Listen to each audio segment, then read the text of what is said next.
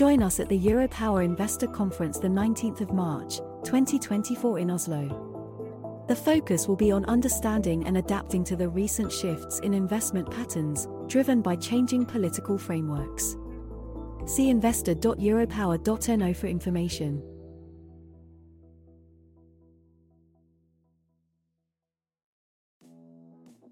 Join us at the Europower Investor Conference the 19th of March, 2024 in Oslo.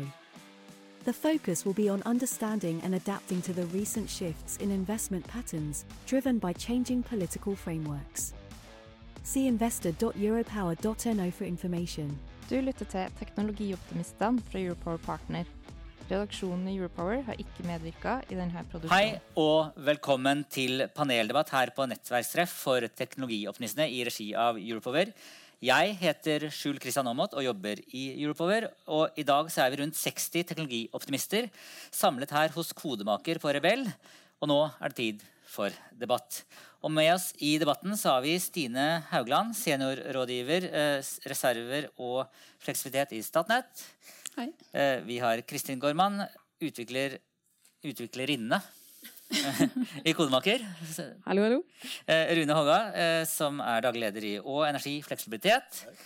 Eh, Otto Rustan, leder digitalisering, innovasjon og IKT-sikkerhet i Glitre Nett. Hei, hei.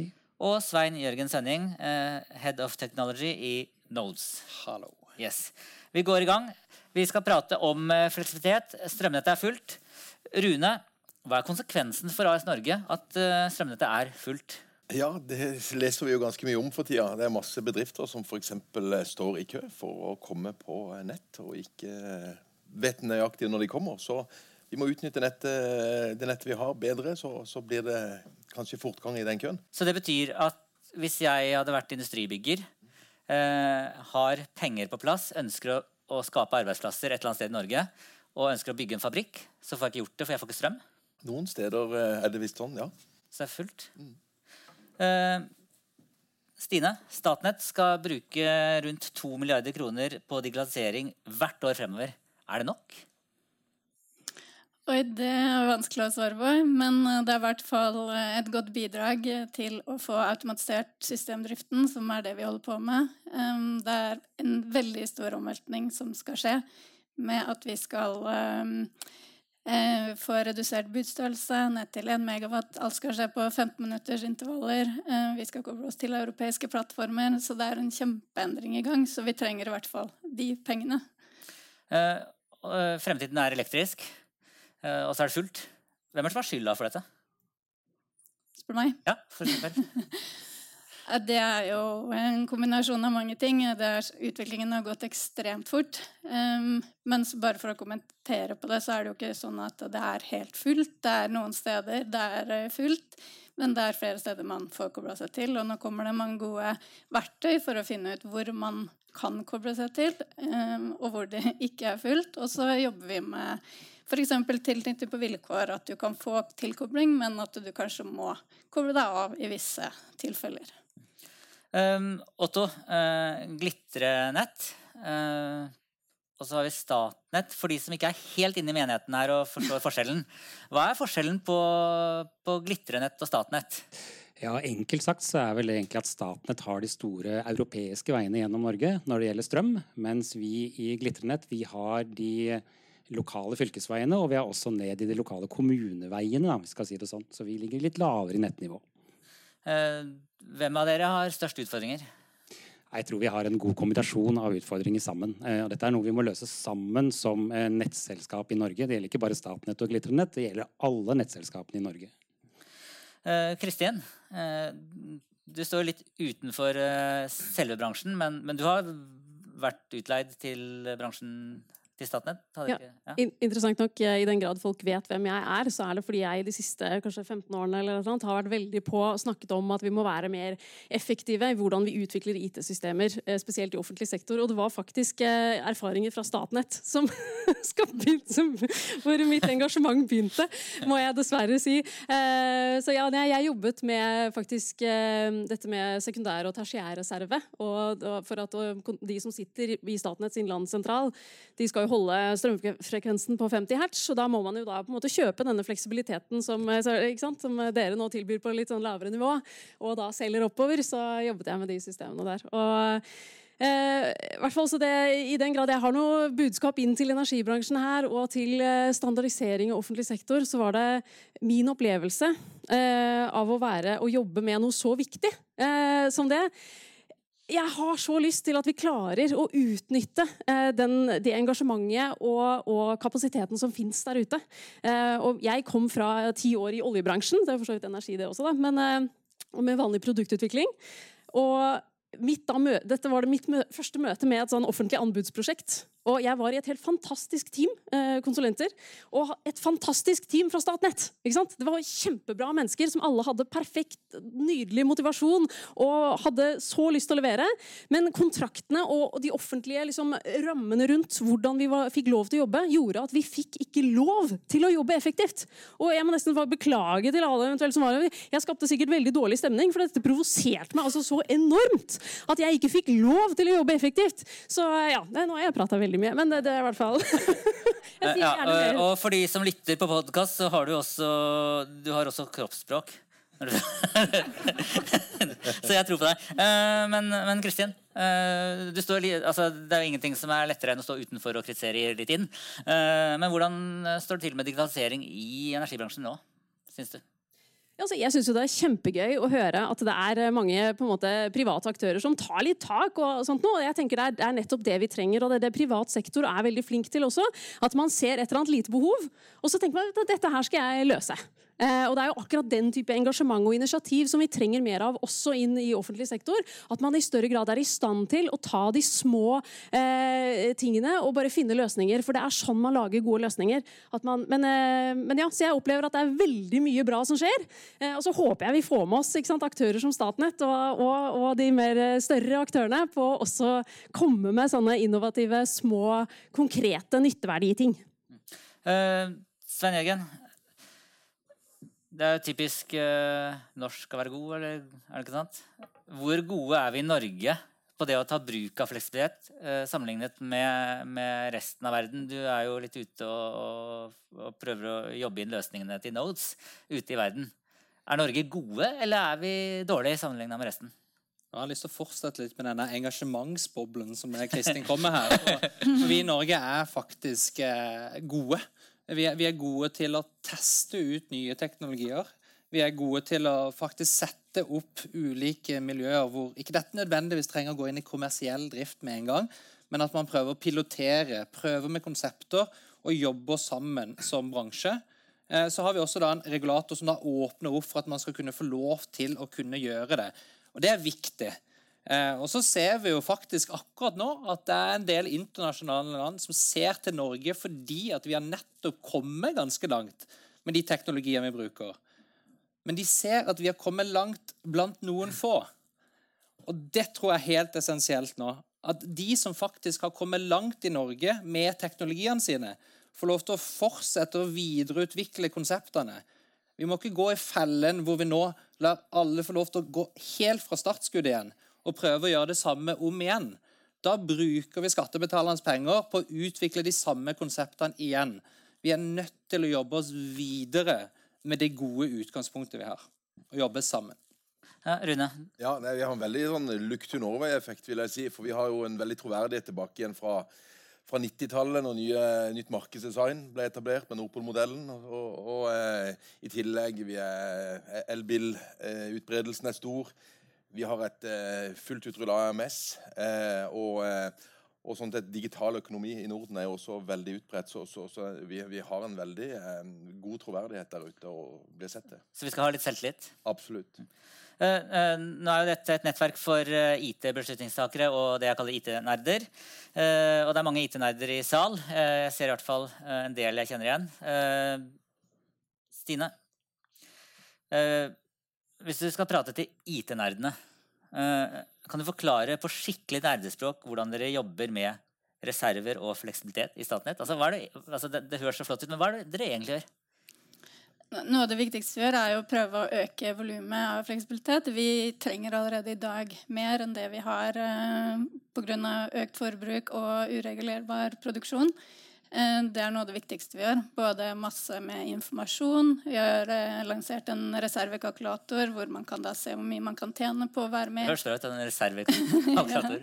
Skal se hvor mye man kan tjene på å være med i markedene. Sånne type ting. Og så jobber vi med å utvikle markedene som vi har.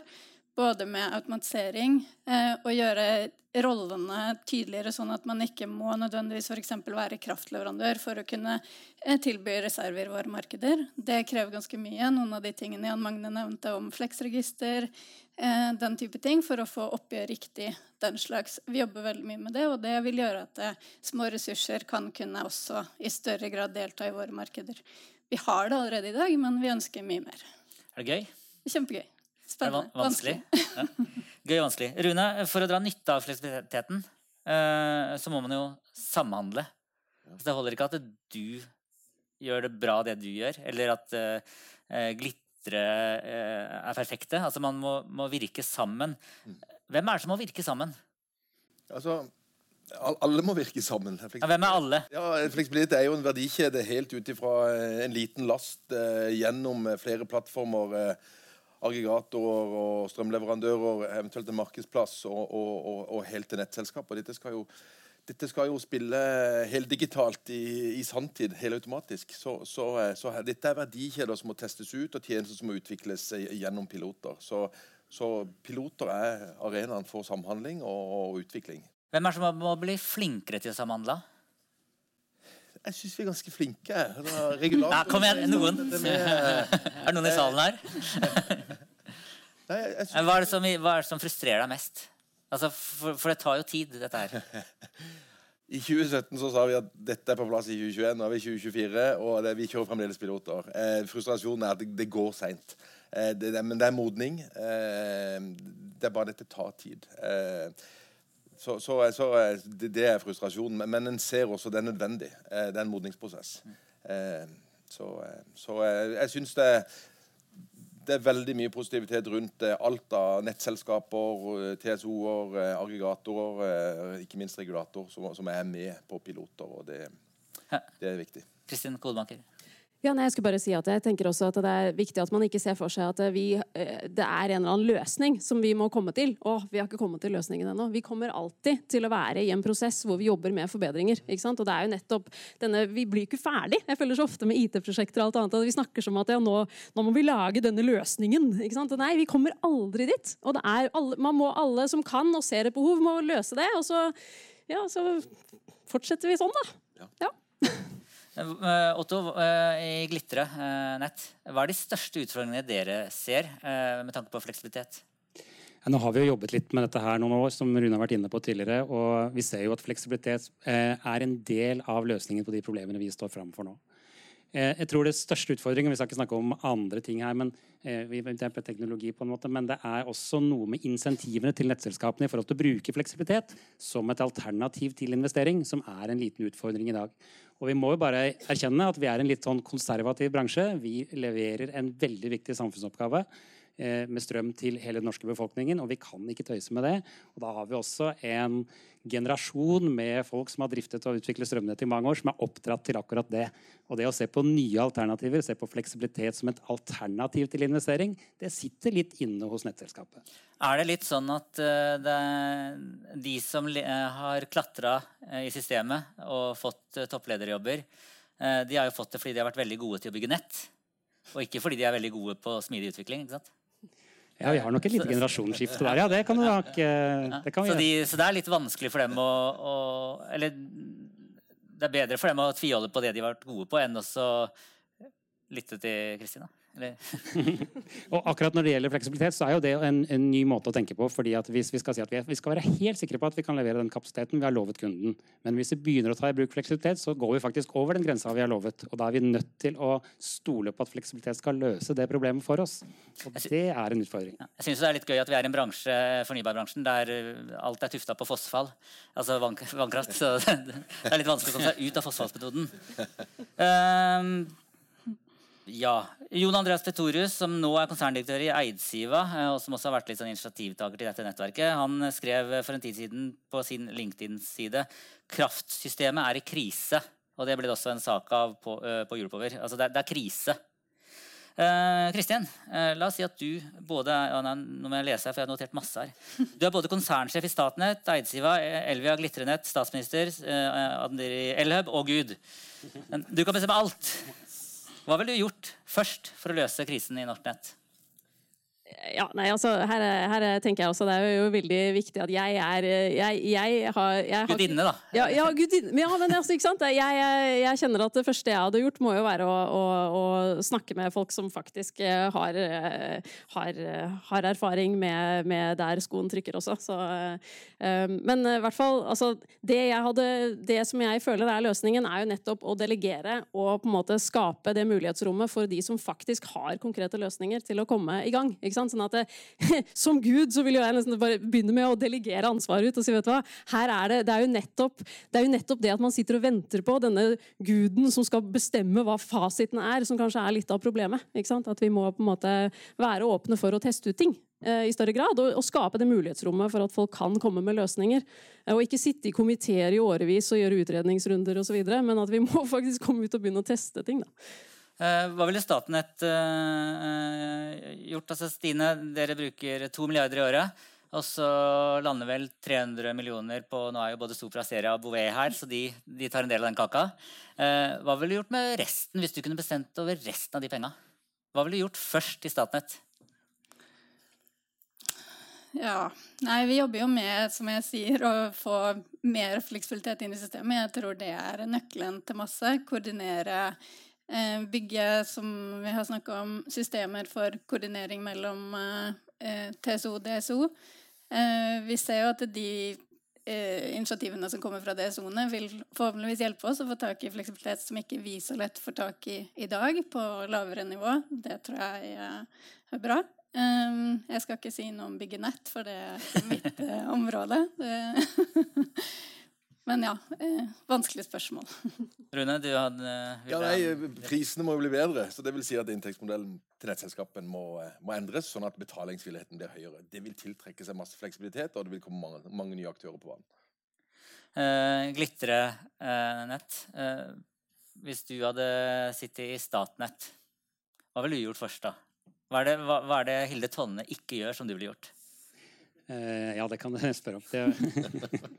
jeg tror at vi trenger å se på dette i fellesskap. Og, det ser vi jo litt. Nå, er vi jo veldig godt i gang i uh, et uh, eh, IT-samarbeid i Elbitz. og der ser vi at der møter vi Statnett på mange områder. Og den diskusjonen vi får der, den ser vi at spriker litt.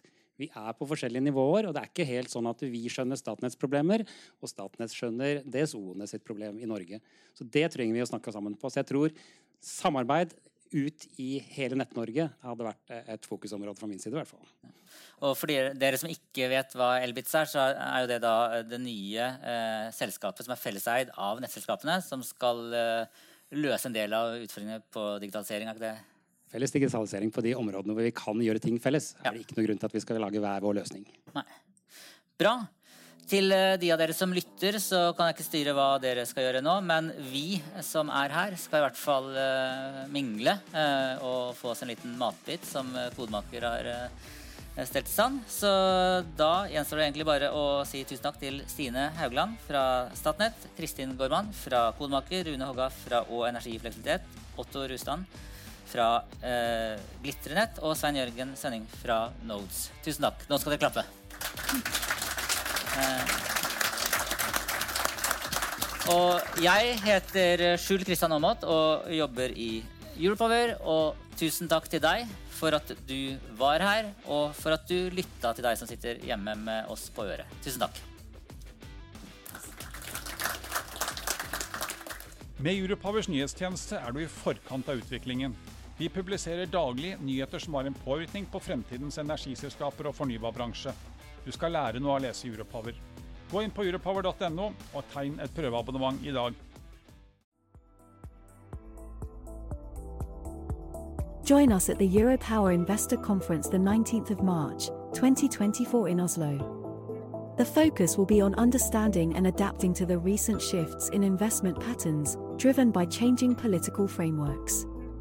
See investor.europower.no for information.